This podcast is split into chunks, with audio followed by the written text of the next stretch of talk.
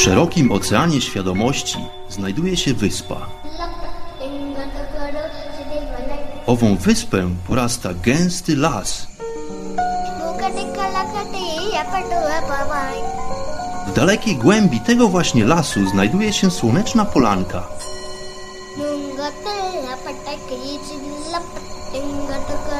Przy tej oto polance w gorących promieniach słońca stoi sobie pewna magiczna chata.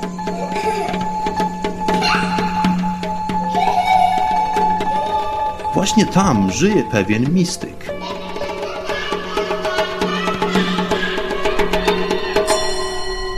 Mam na imię Bart i zapraszam wszystkich serdecznie do wysłuchania programu Chata Mistyka.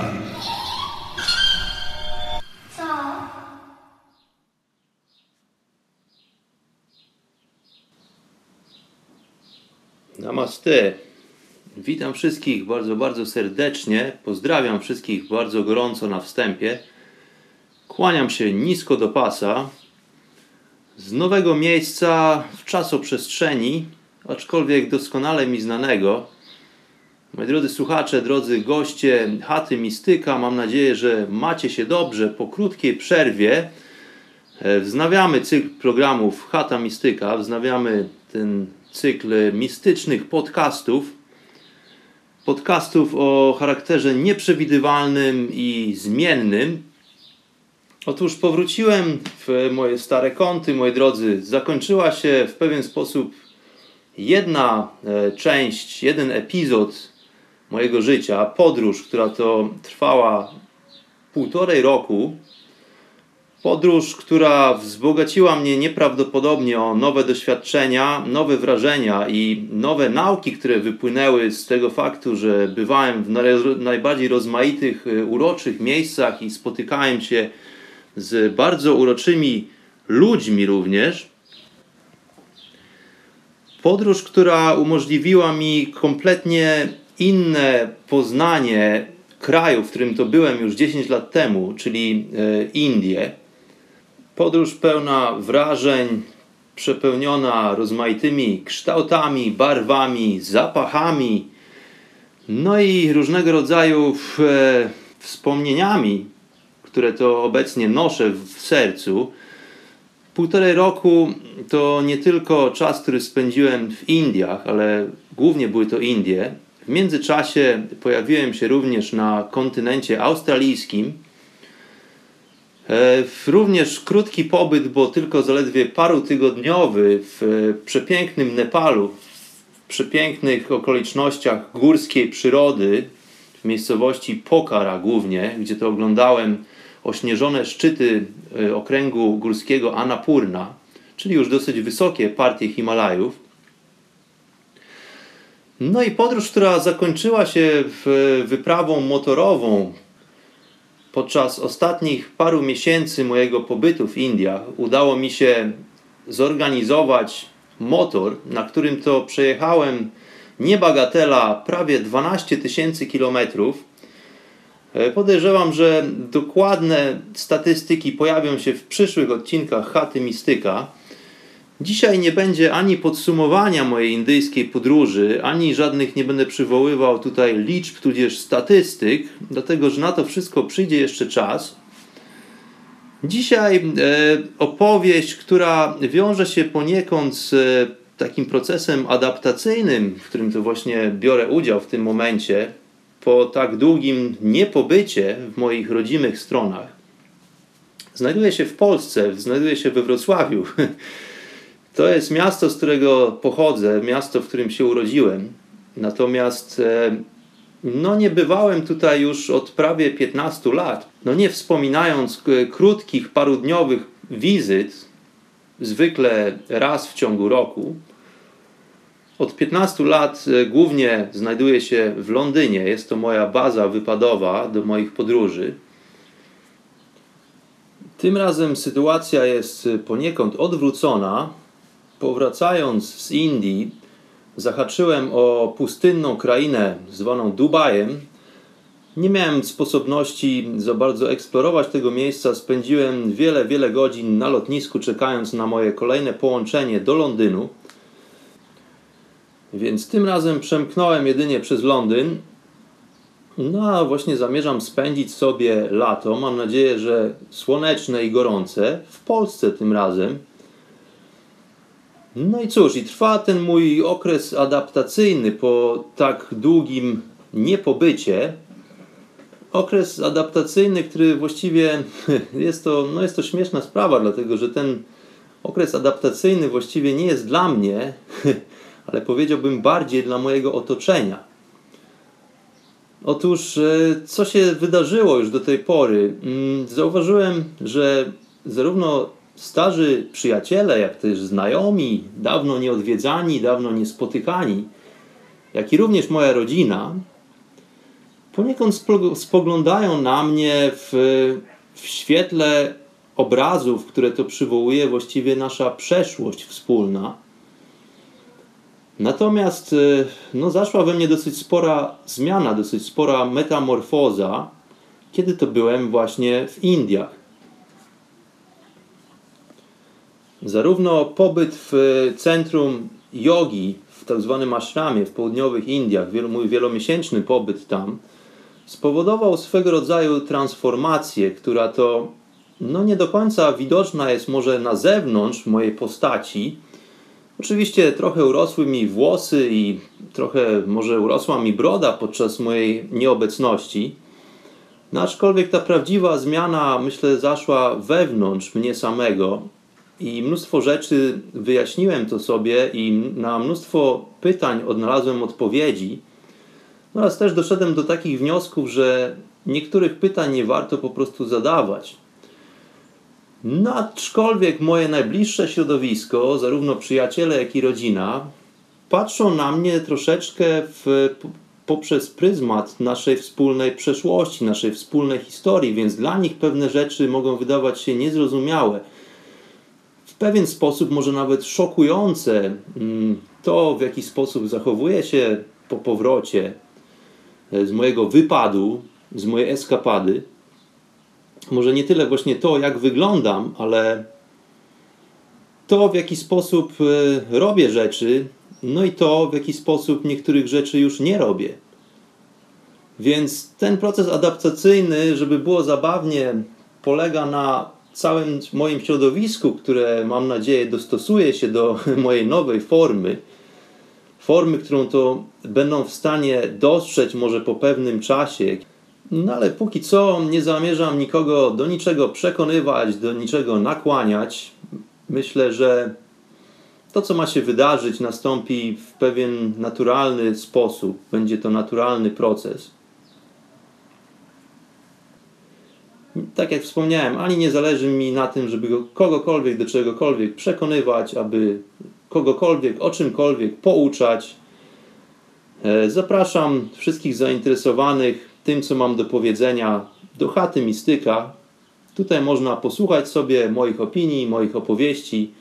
Można się z nimi zgadzać lub nie. Można wyrazić swoje własne opinie. Zawsze czekam na komentarze od Was, moi drodzy słuchacze, moi drodzy goście.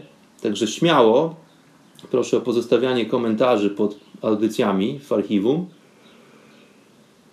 No i cóż, i z tego miejsca chciałbym e, wyrazić moją wdzięczność za sposobność, w której to mogłem uczestniczyć w całym tym procesie podróży.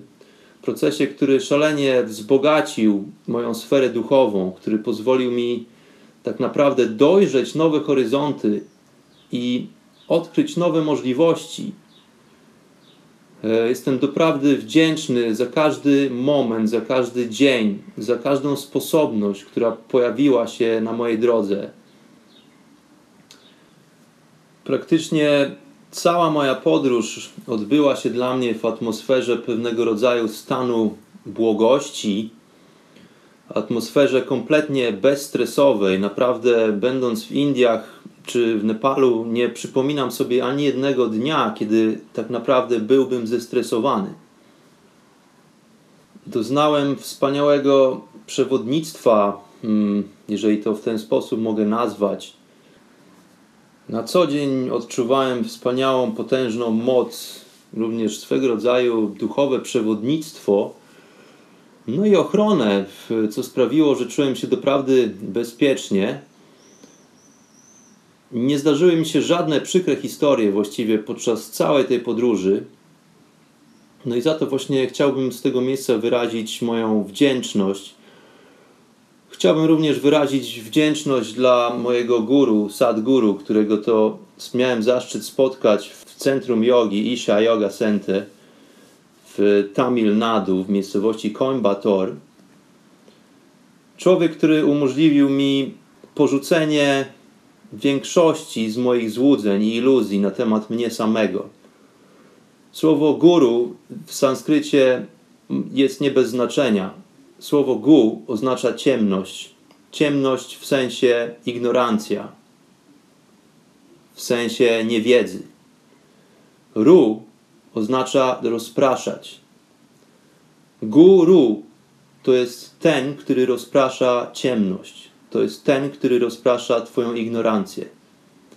To jest ten, który daje Ci możliwość poznania. To jest ten, który pokaże i wskaże Ci odpowiednią drogę. On nie wykona za Ciebie roboty, nie weźmie Cię na grzbiet i nie zaniesie Cię do miejsca, ale rozproszy tą ciemność, co pozwoli Ci dotrzeć do celu, co pozwoli, co pozwoli Ci dojrzeć odpowiednią drogę, którą możesz podążać w swoim określonym celu. Na celem jest ewolucja i rozwój duchowy.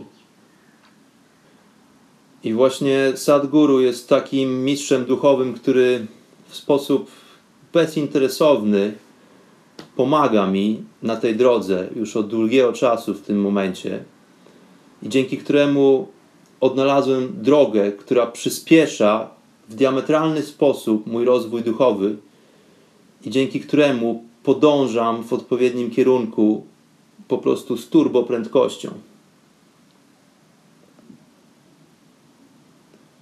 Pragnę również wyrazić wdzięczność dla wszystkich ludzi, których spotkałem na, na drodze podczas mojej podróży. Wszystkich ludzi, którzy pomogli mi w uzyskaniu głębszego stanu świadomości i wszystkich ludzi, którzy pokazali mi, w jaki sposób być nie należy, w którą stronę nie należy podążać. Chciałbym wyrazić wdzięczność dla wszystkich sytuacji, które wydarzyły się podczas mojego wyjazdu i dla wszystkich możliwości, które pojawiły się, które to jestem w stanie wykorzystać. No i dzisiaj właśnie trochę chciałem porozmawiać o tym, czym owa wdzięczność jest. Dzisiejszy odcinek Chaty Mistyka zatytułowany jest Wdzięczność. Moi drodzy goście, kultywowanie i wyrażanie wdzięczności wydają nam się być właściwie naturalnymi cechami każdego człowieka, prawda? Dlatego, że podziękować komuś albo coś wyrazić, wyrazić jakiegoś rodzaju uznanie, no, wydają się nie wymagać za, tak naprawdę wiele.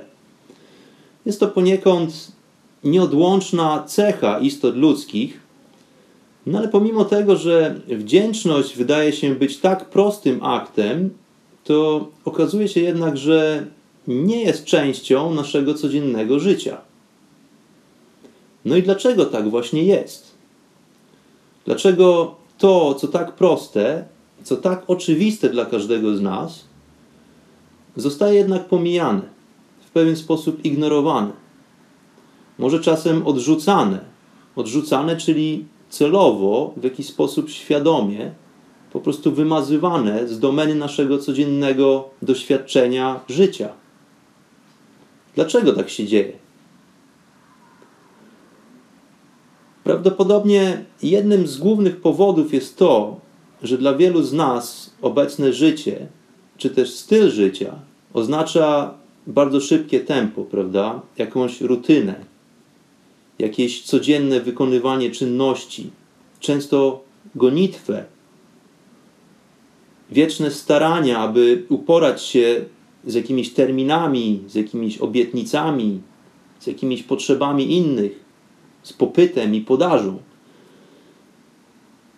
Oprócz tego pojawił się w naszych czasach bardzo potężny aspekt technologiczny, czyli tak zwany rozwój technologiczny, rozwój technologii, która to, czy nam się podoba, czy nie, wkroczyła praktycznie w każdy zakamarek naszego życia.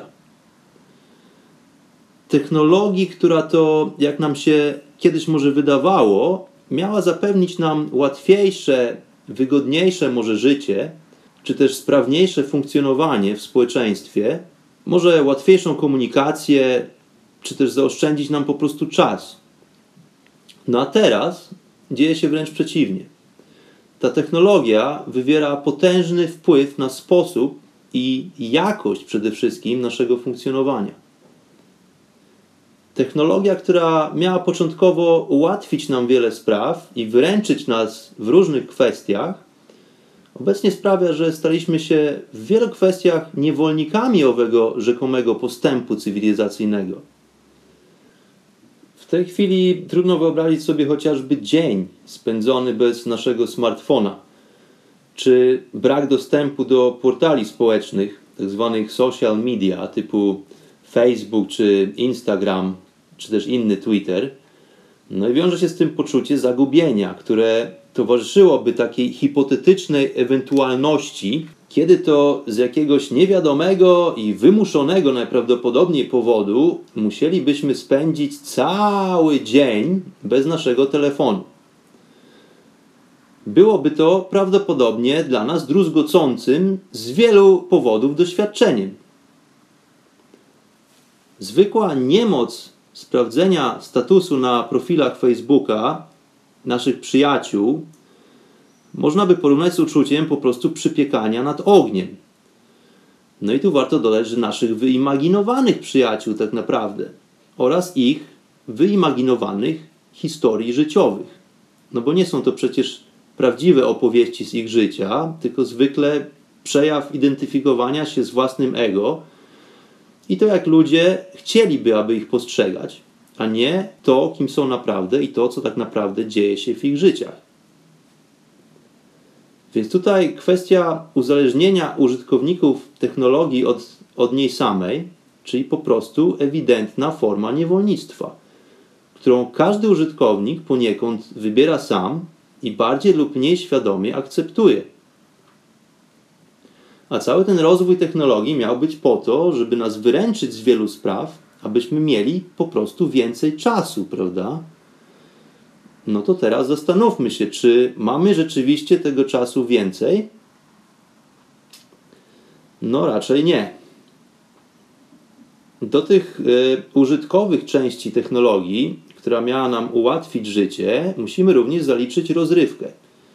Bo skoro tak ciężko pracujemy na nasze utrzymanie, i zakup oraz możliwość korzystania z wszelkich nowych gadżetów i tak zwanych nowinek technologicznych, no to chcemy mieć też możliwość, aby owe urządzenia zatroszczyły się o nasz relaks, prawda?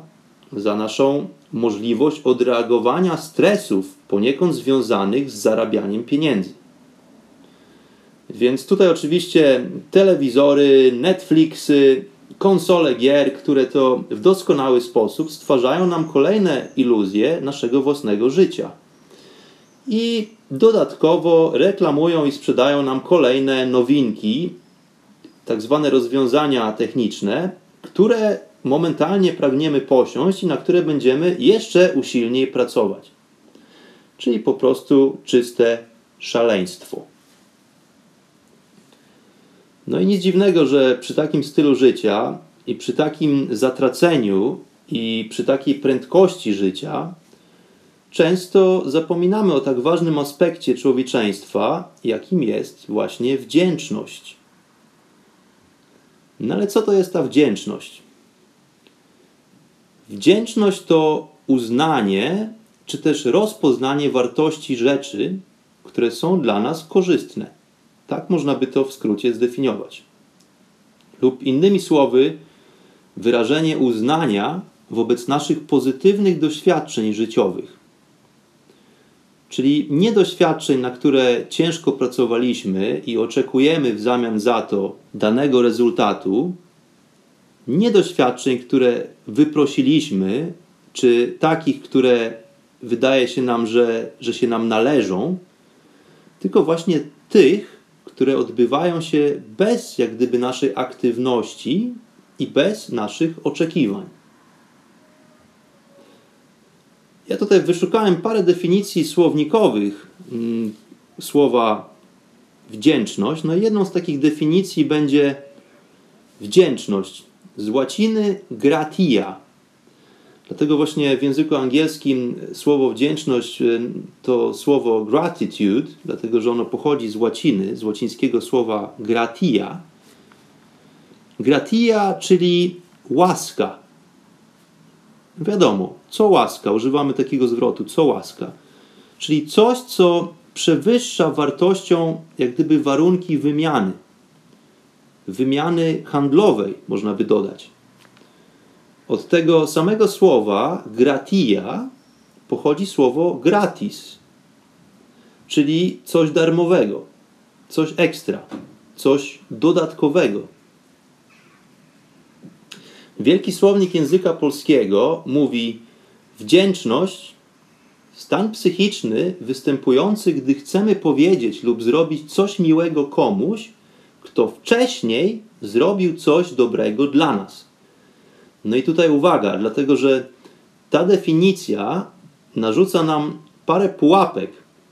No bo po pierwsze, stan psychiczny, tak? Jest napisane wdzięczność, to jest stan psychiczny występujący, gdy chcemy, gdy chcemy powiedzieć lub zrobić coś miłego. Czy oby na pewno jest to tylko uwarunkowanie psychiczne? Tutaj chciałem zadać pytanie, które, jak wiemy, łatwo można kontrolować składem chemicznym i substancjami w mózgu. Czy może jest to stan emocjonalny, który jest stanem naturalnym, istniejącym poza naszym układem neuronów i strukturą mózgu?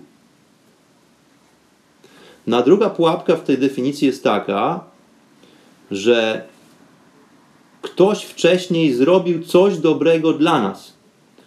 Czyli czysty przypadek po prostu właśnie wymiany handlowej, gdzie ludzie funkcjonują jedynie jako takie po prostu roboty chyba. No bo istnieje tylko wymiana coś za coś. I nie ma miejsca na emocje, jeżeli coś zabiera się w obszarze umowy o wymianie dóbr. Czyli nie ma miejsca na wdzięczność, bo wszystko po prostu było ustalone. A jak wyjadę z takim czymś gratis, właśnie, to co ja z tego będę miał? Taka zwykle jest, może być reakcja, prawda? Więc moim skromnym zdaniem taka definicja słownikowa słowa wdzięczność również jest błędna. No i tutaj jeszcze jedna definicja, którą sobie wynotowałem ze słownika PWN. Wdzięczny czyli mający serdeczne uczucia dla swego dobroczyńcy, pragnący podziękować i odwzajemnić się za doznane dobro. No więc tutaj podobnie definicja prosto z targowiska albo z giełdy handlowej. No ale co tutaj jest ważne, to słowo pragnienie. Moim zdaniem to jest istotne w tej definicji. Pragnący podziękować, to jest właśnie ten moment jak gdyby uprzytomnienia, moment docenienia tego, co się nam przydarza. Pomijając sprawę, czy jest to możliwe, aby odpłacić się, czy też odwzajemnić za naszą możliwość uczestniczenia w jakimkolwiek aspekcie naszego ludzkiego doświadczenia. Bo wdzięczność nie powinna nam kojarzyć się tylko z postacią jakiegoś dobrodzieja to jest pojęcie, które dalece wykracza poza formę osoby i które można zastosować praktycznie wobec całej natury. Czyli nie tylko wobec innego człowieka, ale całej właściwie rzeczywistości, całego stworzenia. Czyli moim zdaniem to, co jest kluczowe w definicji wdzięczności, to nie jest komu, kiedy i za co, tylko bardziej chodzi tutaj właśnie o uznanie, czy też rozpoznanie wartości rzeczy, czyli odpowiednią formę naszej świadomości.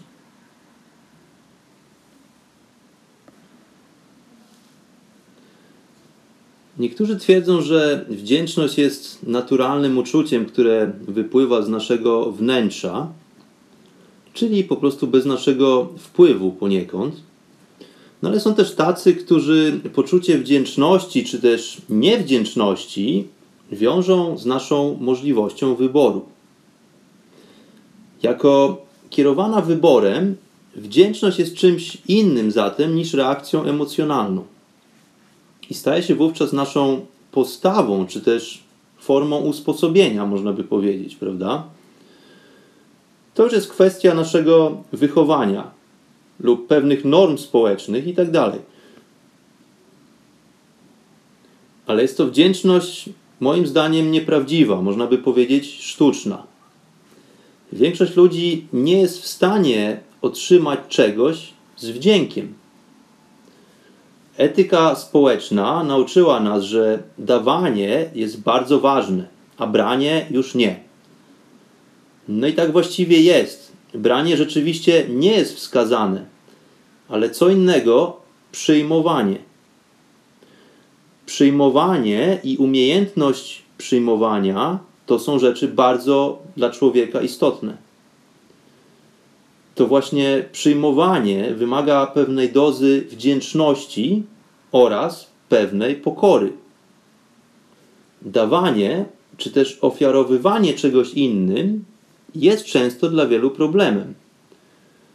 Dlatego w Indiach tak zwana biksha. Biksha, czyli praktyka, w której to żebrak nie ma na celu brania czegoś od ciebie, ale wręcz przeciwnie. Daje ci możliwość ofiarowania czegoś, co umożliwia ci w pewien sposób rozwój duchowy.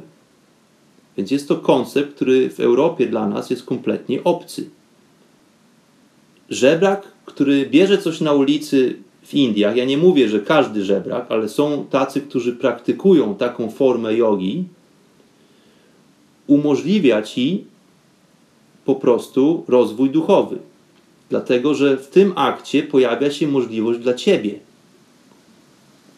No a tutaj z drugiej strony właśnie godne przyjmowanie. To jest również umiejętność. Przyjmowanie z pokorą, z szacunkiem, w pełni świadomie. I tu warto spojrzeć na każdy aspekt życia i docenić nie tylko to, co ofiarowane jest przez konkretną osobę, ale wszystko, co ma dla ciebie wartość. Wszystko, co tak naprawdę w życiu otrzymujesz. Zacznij od filiżanki kawy, którą to pijesz rano, często bez namysłu. Począwszy od plantatora, który to posadził drzewka gdzieś daleko, wysoko w górach, potem podlewał je i pielęgnował pieczołowicie, chodząc po stromych i trudnych zboczach, troszczył się o nie. Następnie ludzie, którzy mozolnie zbierali nasiona i nosili na plecach ciężkie kosze z ziarnami, poprzez ludzi, którzy zajmują się prażeniem owych ziaren, ich dystrybucją, do tego sprzedawcy, agenci itd., tak itd. Tak Wszyscy i tak naprawdę wszystko, co zaangażowane jest w proces, który sprawia, że trzymasz w tej chwili w rękach filiżankę kawy. Że masz w szafie ubrania z bawełny, w które to możesz się ubrać. Że masz na talerzu kanapkę, którą możesz zjeść. No i tutaj słyszę głosy, no ale przecież zapłaciłem w sklepie za chleb. No tak, zapłaciłeś, ale doceń wszystkie czynniki, które zaistniały, aby ten chleb mógł dostać się teraz do Twojego systemu trawiennego i w tym procesie zamienić się w Ciebie samego. Zobacz, ile różnych żyć, ile istnień, ile fenomenów uczestniczyło w tym, abyś miał taką możliwość. Bez nich Twoje pieniądze za chleb nie miałyby praktycznie żadnego znaczenia, prawda? I to, o czym mówię, jest właściwie oczywiste i wielu gotowych jest stwierdzić, że gadam farmazony i w ogóle nie ma sensu o tym rozmawiać, no bo to przecież wszyscy wiedzą. No i być może tak jest, ale pomyśl sobie teraz tak. Ile razy dzisiaj narzekałeś? Głośno albo w myślach. No a teraz pomyśl sobie, ile razy zdarzyło ci się coś świadomie dzisiaj docenić być za coś wdzięcznym. głośno albo w myślach.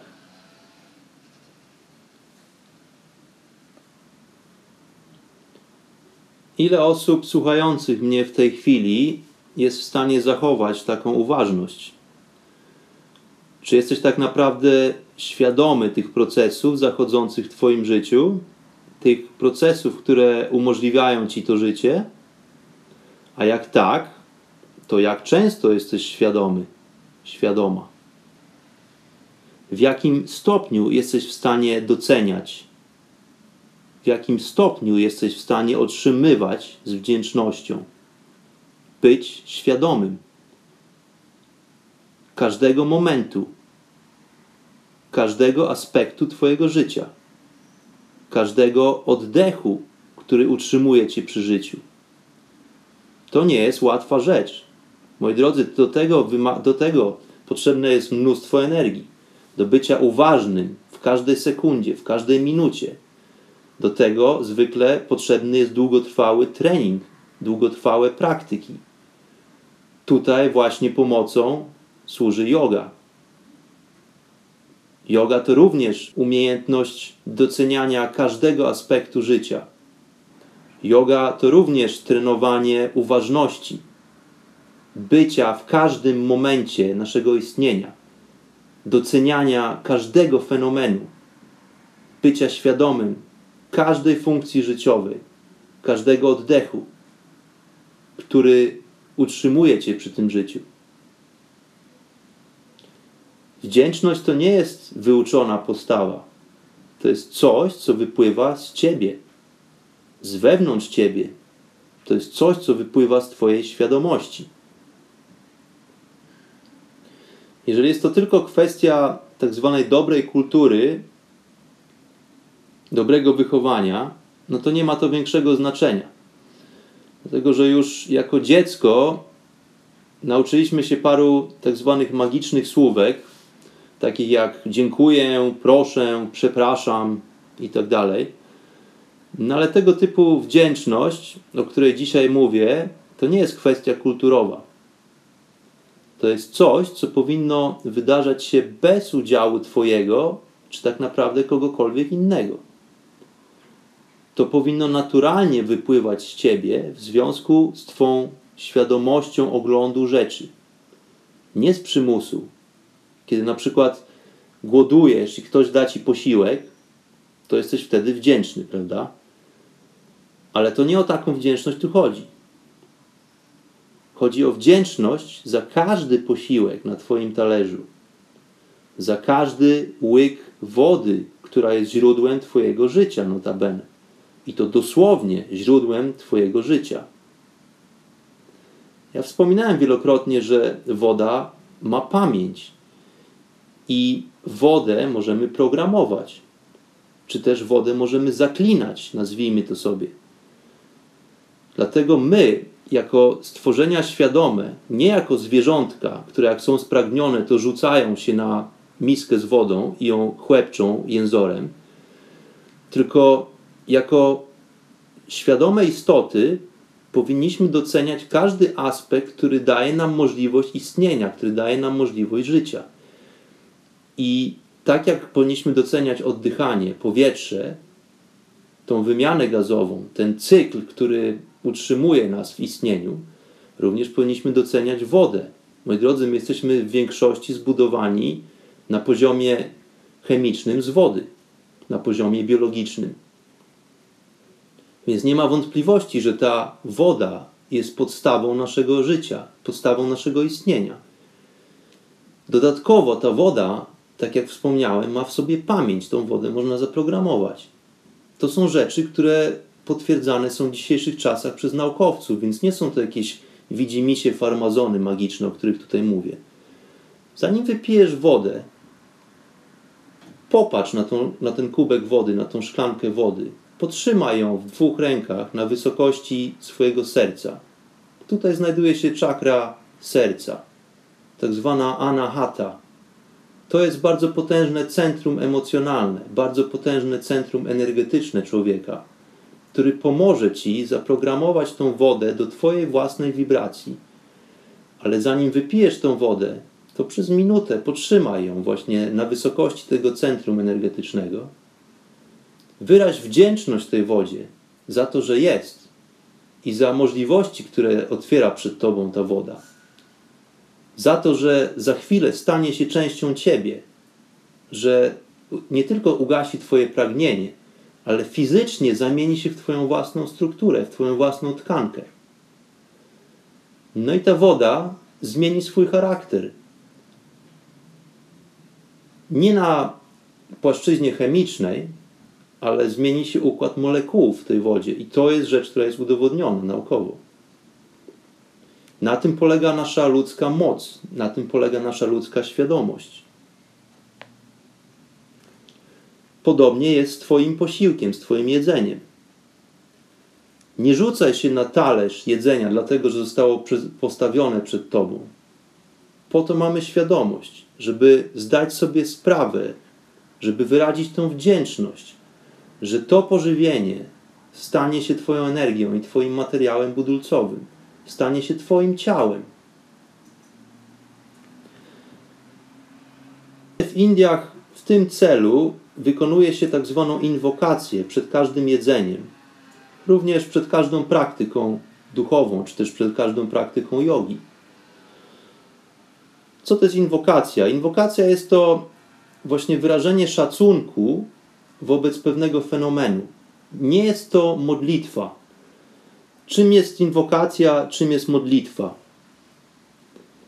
Modlitwa jest zwykle jakimś odniesieniem wobec Boga, wobec kogoś, kto jest na zewnątrz, kto jest odrębnością od nas samych.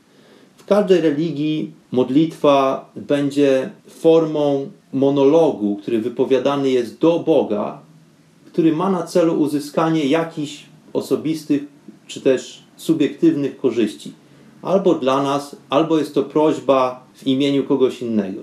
Czyli Boże drogi, przynieś mi zdrowie, przynieś mi fortunę, przynieś mi szczęście, spraw, żeby mój sąsiad poczuł się gorzej, dlatego że on ma więcej niż ja i tak dalej, i tak dalej. Więc modlitwą zwykle, modlitwa to jest zwykle prośba po prostu dla jakiegoś bóstwa. Czy jest to religia katolicka, chrześcijańska, czy jest to islam, czy jakakolwiek inna religia, modlitwa zawsze bazuje na tym samym. Jest to forma prośby o coś. Daj mi coś, bo coś potrzebuję. Jest to jakieś e, zwykle klepanie paciorków typu Ojcze nasz, któryś jest w niebie i tak dalej, i tak dalej. Jakim niebie? Przede wszystkim, gdzie jest to niebo? Jaki ojcze? Kompletny dualizm, wyodrębnienie się po prostu od stworzenia. Stwórca i stworzenie to jest jedno. Więc modlitwa logicznie, jeżeli rozumiemy formę, nie ma sensu. Natomiast inwokacja jest to sposób przeniesienia emocji i dialog z samym sobą. Jest to skierowanie się do wnętrza nas samych.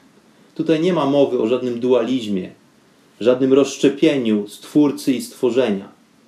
To nie jest człowieczek i Bóg wszechmogący, który może nam zrobić dobrze albo źle, tylko jest to wgląd wewnątrz istoty, wewnątrz nas samych.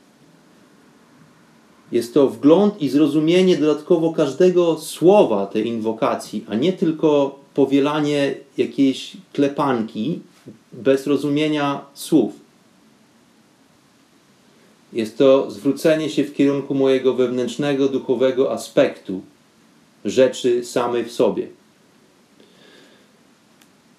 Ja odkąd spędziłem czas w ashramie, przed każdym posiłkiem wykonuję inwokację, przed każdą praktyką jogi również wykonuję inwokację, której to nauczyłem się w ashramie. Jest to inwokacja, która jest e, bardzo popularna w Indiach, nie tylko w tym miejscu, w którym ja przebywałem, ale dowiedziałem się również podczas mojej podróży, że jest to bardzo prastara inwokacja, która brzmi w sanskrycie. Chciałbym je tutaj przytoczyć.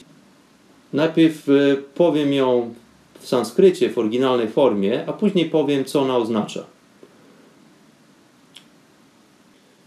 Jeżeli jem posiłek w towarzystwie i ludzie nie są zaznajomieni z tego typu praktyką, no to nie będę tutaj nikogo wprowadzał w stan e, szoku, tudzież stan zażenowania, czymś, co wymawiane jest w starożytnym, obcym języku, co może być dla ludzi po prostu niezrozumiałe w naszych e, walorach kulturowych, więc zwykle po prostu z zamkniętymi oczami powtarzam tą e, inwokację po cichu, sam dla siebie. No, brzmi ona tak. Aum, aum, aum. Sahana vavatu. Sahano bunaktu. Sahaviriam karavavahei. Tejas finavadi tamastu. Mavid vishavahei. Aum shanti, shanti, shanti. No i co to znaczy? To oznacza nic innego jak bądźmy razem, jedzmy razem, produkujmy razem energię. Niechaj nie będzie granic dla naszych energii. Niechaj nie będzie żadnych chorych uczuć pomiędzy nami. Aum, pokój, pokój, pokój. No i to oznacza tylko tyle. Wspaniały, starożytny tekst, który w pełni określa wyrażenie wdzięczności i wyrażenie zrozumienia dla współistnienia z innym człowiekiem i dla sposobności, i dla możliwości, które pojawiają się w naszym życiu.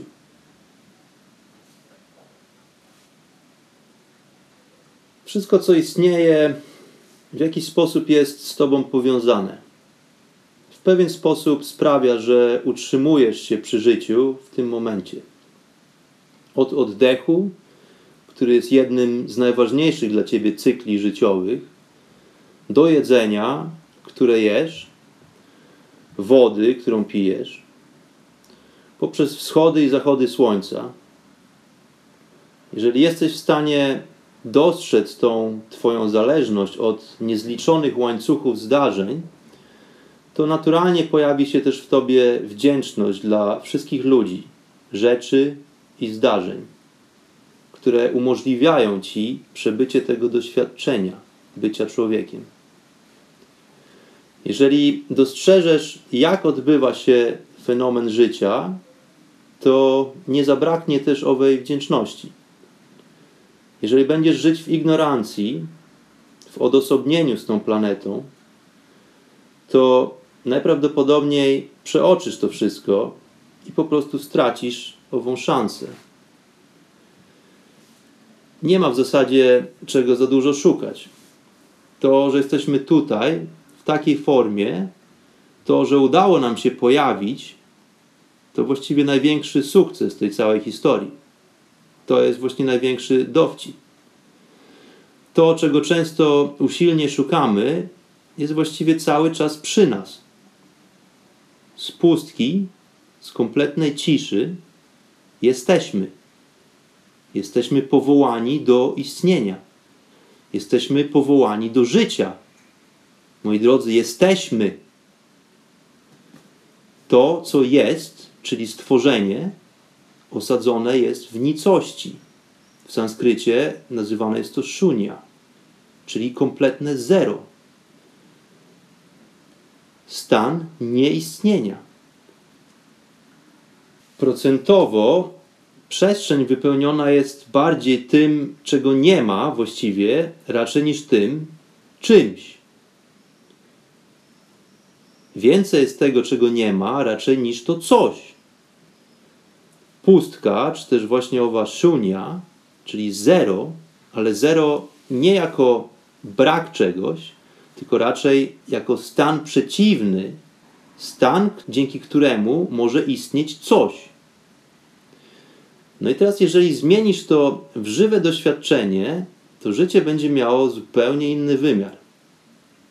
O tym mówili i Buddha, i Shiva, o tym mówili królowie, którzy zdecydowali się porzucić wszystko i zostać żebrakami w poszukiwaniu tego właśnie doświadczenia. Dlatego, że znaleźli coś więcej niż bogactwo i zaszczyty. Coś, co nie wymaga dekoracji, uwznioślenia, czy jakichkolwiek innych dodatków. Być wdzięcznym za to, co jest. Pomyśl. Może masz więcej niż ci się zdaje. Wdzięczność zmienia życie na lepsze. Namaste, moi kochani. Do usłyszenia w kolejnych odcinkach Chaty Mistyka. Pozdrawiam wszystkich bardzo, bardzo serdecznie z kraju zwanego Polską. Pranam.